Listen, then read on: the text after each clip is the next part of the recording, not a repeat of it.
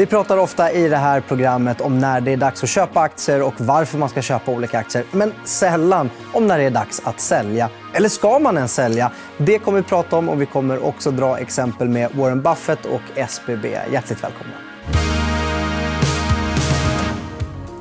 Vi säger välkomna till Kristina Salberg, sparekonom på Compriser och Henrik Johansson, vd på Unga Aktiesparare. Tack. Eh, till att börja med, hur är läget med er? Är det bra? Bara bra. Fint. Super. Kul att vara här. Roligt att ha er här. Eh, vi ska prata om när man ska sälja aktier. Man pratar ju oftast om hur hittar man rätt aktier att köpa, när ska man köpa, men glömmer ofta det här säljet. När var första gången som ni sålde? Henrik, när, när sålde du första, eller senast en aktie? Senast jag sålde någonting var nog faktiskt lite japanska indexfonder jag haft i min eh, portfölj på lite experiment. faktiskt. Så då började jag liksom sakta men säkert sälja av lite eh, i månaden. där. Så Det var den senaste säljen. Tror jag. Det måste ha gått ganska bra, eller? Ja, alltså det var något experiment jag hade med portföljen. att Jag skulle ha någonting som inte alls korrelerade med övriga. Så då har jag haft det i några år och gått ut eh, sakta men säkert ur det. Så nu är det bara en liten slatt kvar i portföljen. Mm. Kristina, mm. du då? Ja, det, är, det är Schibsted-aktier. Eh, och jag jobbar ju på Schibsted. Men eh, jag har ett sånt sparprogram. Och I och med att jag då har ganska mycket Schibsted-aktier i, i, relation till annat så, så sålde jag av lite för nåt år sedan för jag ville liksom balansera upp det lite. Ja, hålla portföljen diversifierad. Exakt. Eh, okay. Vi ska prata lite grann om köpa och behålla-strategin. till att börja med. För Den vet jag att du är en anhängare av. Kristina. Varför då? Jo, det är ju så här. Vi tror ju ofta att vi kan eh, välja ut aktier och veta när vi ska köpa och sälja dem. Men det är en övertro som vi liksom har fått från savannen när det var viktigt att så här, klättra i hierarkin och, och komma högt upp. Så, att, så att vi kan ofta inte göra det. Och därför så tycker jag det är bättre att köpa väldigt många aktier eller fonder så att du sprider riskerna rejält och sen sitta på pengarna tills du behöver dem eller tills några år innan du behöver dem då, så du kan sälja i tid. Mm. Så du säljer aldrig? Jag säljer aldrig. Äh? Vad tycker du om den här strategin, Henrik? Alltså, på sättet som Kristina berättar tycker jag ju den såklart är väldigt bra. Men det finns ju situationer där jag kan bli väldigt, väldigt mot den. Och det är ju när folk använder det som ett argument för att kanske ja, men hålla sig kvar i ett bolag där de har gjort en ganska dålig investering. Så att på sättet du pratar om tycker jag den är fantastisk. Men tyvärr är det ju många privatsparare som använder den regeln på helt fel sätt.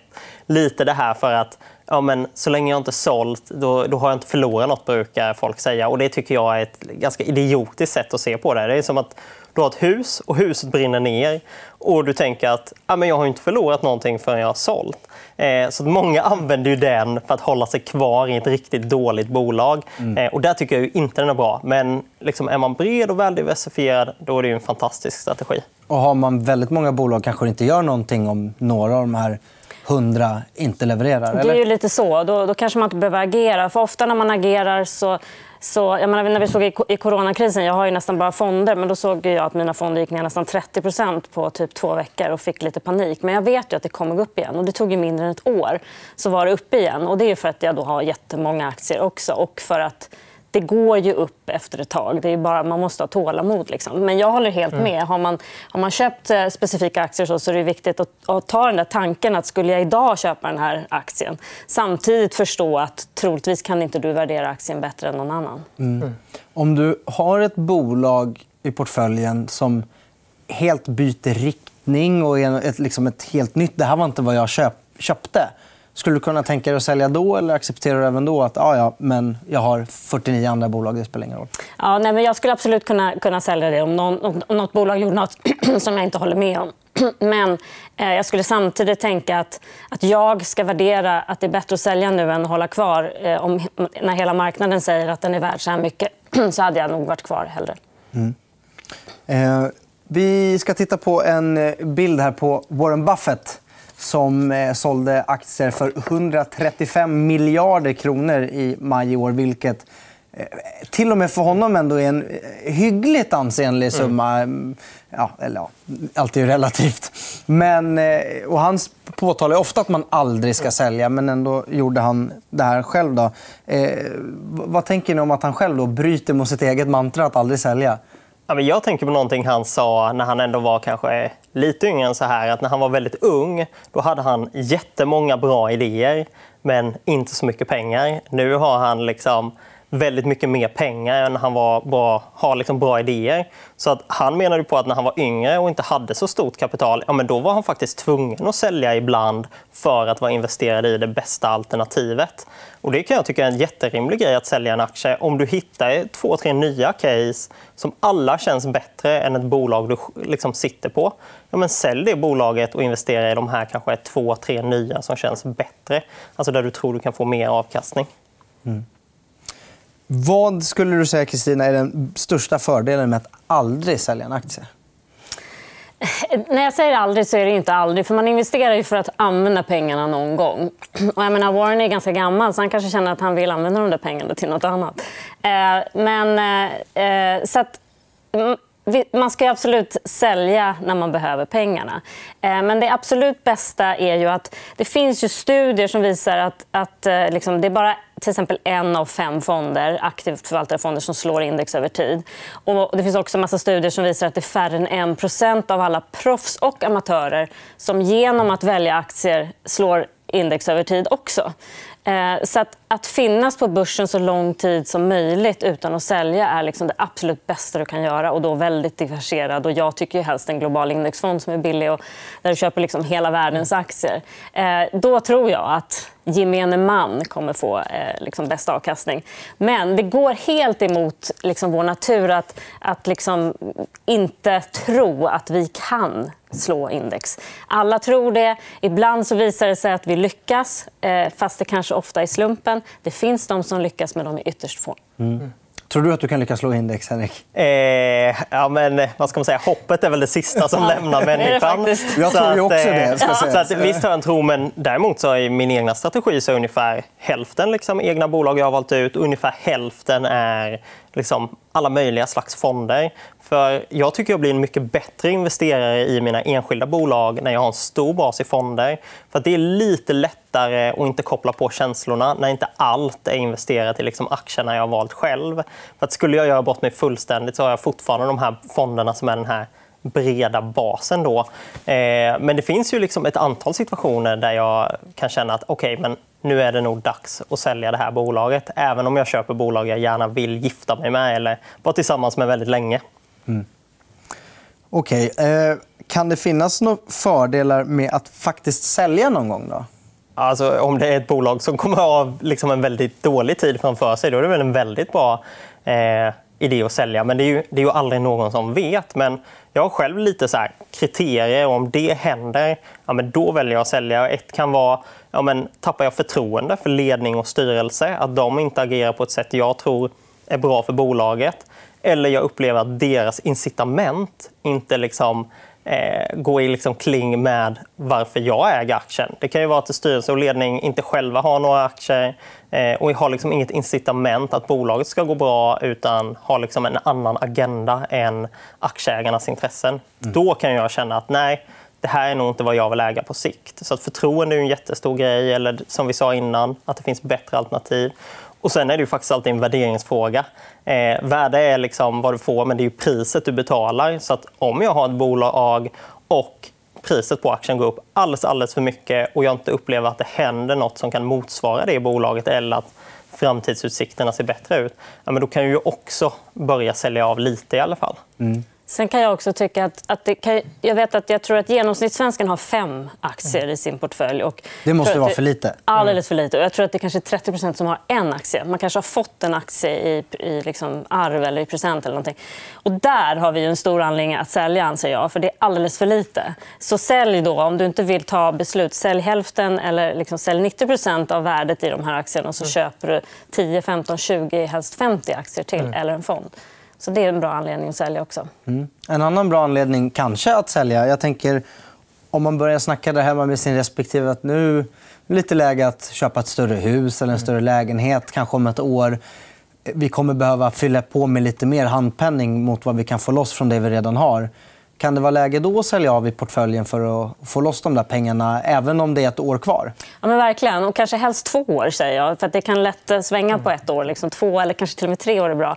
Eh, jag har sparat till mina barn. till exempel. Och när jag börjar märka så att nu snart så kanske det kommer behövas pengar så har jag minskat också och sålt eh, fonder som jag har sparat till dem då, för att, och, och har pengar på ett sparkonto med ränta istället. För att slippa sälja precis i nedgång. Det är fruktansvärt mm. jobbigt.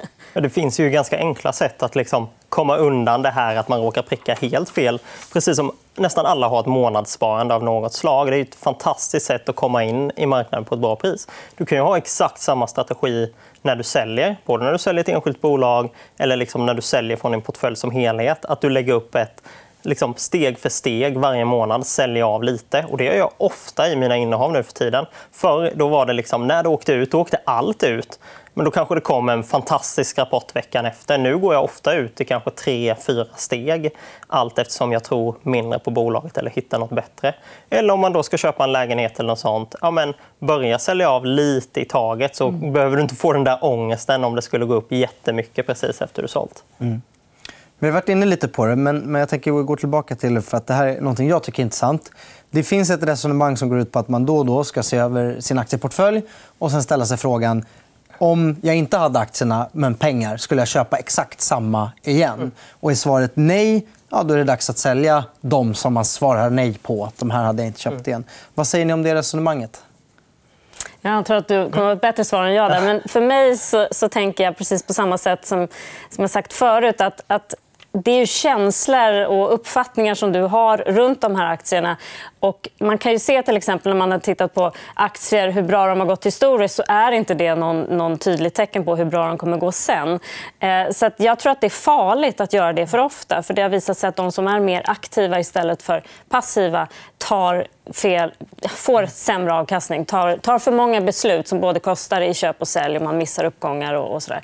Så att, eh, jag tror att det är farligt att göra det för ofta, men jag tror ändå att det är bra att ibland titta över. Liksom, skulle jag, tror jag på de här bolagen fortfarande, men, men gör man det för ofta så tror jag att det blir dåligt. Mm. Så de som sitter på händerna har statistiskt bättre avkastning än de som är lite för... Det har de. Det är bevisat hela tiden, gång för gång.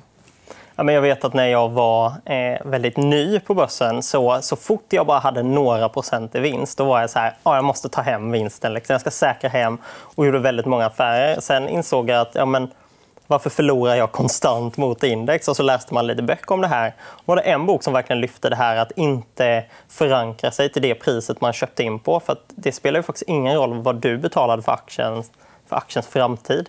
Och någonting jag kunde göra på i alla fall banken jag handlade på just då var att man kunde ställa in själv vad, vilket liksom, GAV man hade, alltså vilket pris du hade köpt för. Det kunde du justera, eh, i alla fall vad det såg ut som. Så då nollställde jag alla dem så att jag kunde inte ha någon aning om jag hade vinst eller förlust i mina aktier. Och då blev jag mycket mer liksom, passiv och det blev inte så fort... Om jag hade haft en aktie haft förlust ett litet tag så blev det inte att sekunden jag låg plus minus noll att jag sålde. Utan då fick jag varje gång jag skulle överväga om jag skulle köpa eller sälja mer i bolaget så fick jag gå och göra om analysen istället för att förhålla mig till vad jag hade köpt. Så Det är väl något tips till många nya. att liksom, Försök strunta i vad du köpte aktien för. Ja, precis. Det är den här mm. förankringseffekten. Ja. Den är så stark. Man har till och med gjort tester med att, att folk fick säga sina sista två nummer i sitt personnummer. Eh, och sen så fick man säga vill du bjuda den, den siffran på en flaska vin. Och sen blev det ett, ett bjudningstillfälle. Och då visade det sig att de som hade en högre siffra betalade alltså mer för vinet än de som hade lägre. Det har ingenting med saken att göra. Men bara för att man såg den siffran först. Och där, Att veta vad man köpte en mm. aktie för kommer påverka dig mm. hur du värderar. Så Det är faktiskt ett väldigt bra tips. Det är därför de alltid på stora eh, elektronikhandelskedjorna ställer jättedyra grejer precis när man kommer in. Så man är... Exakt. Plus att det är liksom, de höjer priset och så sänker de 70% rea. Det känns ju så otroligt bra. Perfekt. Vilket fynd. Ja. Eh, jag tänkte vi skulle ta kika på ett exempel också, nämligen det svenska fastighetsbolaget SBB. Här har vi en kursgraf på dem. Eh, upp som en sol och ned som en eh, pannkaka, tyvärr. Då. Finns det något tillfälle i SBBs fall, någon händelse eller någon signal som skulle kunna ha gjort att man faktiskt kanske till och med övergav en aldrig sälja-strategi och trots allt sålde sina aktier i, i bolaget? Alltså, jag tänker mycket på att eh, det var ju väldigt många som kanske blev irriterade på ledning och styrelse långt innan man sålde sina aktier. För när du säljer dina aktier och du då kanske gör en brakförlust ja, då har du själv haft fel på något sätt. Men sanningen var ju att de hade ju tveksamheter mot liksom, ledning och styrelse långt, långt innan dess. Men när det handlade om att de själva då hade gjort en felaktig investering ja, då, då sköt de på det. Liksom. Så jag tror att många, hade de liksom gått efter, om de hade ett förtroende för ledning och styrelse, så hade de gått ut betydligt tidigare ur det här bolaget. Mm. Ja, det är ju en, det är en aktie som... Jag tror att det är den mest ägda aktien mm. hos vissa ja, aktörer. Ja. Och bara där kan man ju fundera på det här överlevnadsbias. Alltså, historien skrivs av segrarna. Och det är samma sak med när man köper aktier. Och det är så många som har lyssnat på vänner som kollar, jag har köpt, kolla det går upp, kolla det går upp. Och så hoppar man på själv. Och det är ju en sån risk man får fundera på. Den här, den här liksom, vi följer varandra, flockfrekvensen. Liksom, det, det, det bör man tänka på. Och då skulle man ju kunna sälja när det hade gått upp en bit. För man kan tänka hur bra kan det här vara egentligen? Ja, och när alla redan har köpt, vem är det som ska köpa? Lite. Till slut måste det svänga, känns det som. Mm. Ja, och en aktie drivs ju egentligen av två saker. Det ena är att vinsten går upp och det andra är att multipeln går upp. Och eh, på lång sikt ska det helst vara vinsten som driver. Men sen kan det under tillfälliga perioder vara multipeln som driver, vilket det var i SBB. Så det var inte så att vinsten hade sprungit iväg hur mycket som helst. utan Det blev ju en multipeleffekt. Och det kan ju vara en jättebra anledning att sälja ett bolag. att ja, Nu är multiplarna så otroligt mycket högre, men framtiden ser inte bättre ut nu. Och då är det ju kanske ett ganska bra tillfälle att passa på att börja sälja lite. För det är väl som man säger, man vill sälja dyrt och köpa billigt. Eh, Gärna. Vilket är mycket svårare att göra det lät i praktiken. Enkelt när du sa det. det lät enkelt när man sa det, men det är ju sjukt svårt att göra i verkligheten. Mm. Till sist, vad skulle ni rekommendera småsparare eh, som är osäkra på om de ska sälja en aktie eller inte? Har ni några tips? Jag tänker det här som jag sa förut. Har du väldigt få aktier, eh, så sälj lite av, av alla de få och investera i liksom en indexfond, så breddar du dig. Eh, eh, och annars, tänk bara att sitt still. Liksom. Det, kommer, det kommer gå upp om du är diversifierad, om du har mycket aktier. Ja, men då skulle jag väl uppmuntra till det här att våga gå ut ur ett bolag över lite tid. Alltså, du måste inte sälja allt på en gång. Börjar du tappa lite av din tro på bolaget, ja, men sälj liten del då och allt eftersom du blir mer säker på att det här är ett bolag du inte vill äga, ja men sälj ännu mer. Sen kanske du får tillbaka förtroendet för bolaget och att det bara var en tillfällig grej. då kan du också köpa tillbaka. Så att så här, det här att kunna skala in sig och ut sig ur bolag åt båda håll tror jag är ett jättebra sätt att liksom diversifiera bort tajmingen. Mm. Det var allt vi hann med idag. Tack för att ni kom hit, Henrik Johansson och Kristina Salberg. Tack. Stort tack. Och tack även till dig som har tittat på programmet. Vi är såklart tillbaka snart igen. Men kan du inte få nog av aktier så följ oss gärna på Instagram. Där heter vi EFN Aktiekoll. Ha det så bra. Hej då. Du har lyssnat på EFN Marknad, en podd som produceras av EFN Ekonomikanalen. Du hittar programmet även i videoformat på Youtube och på efn.se. Kom ihåg att prenumerera på podden och följ oss gärna på Instagram för fler aktietips. Där heter vi EFN Aktiekoll. Ansvarig utgivare är Anna Fagerström.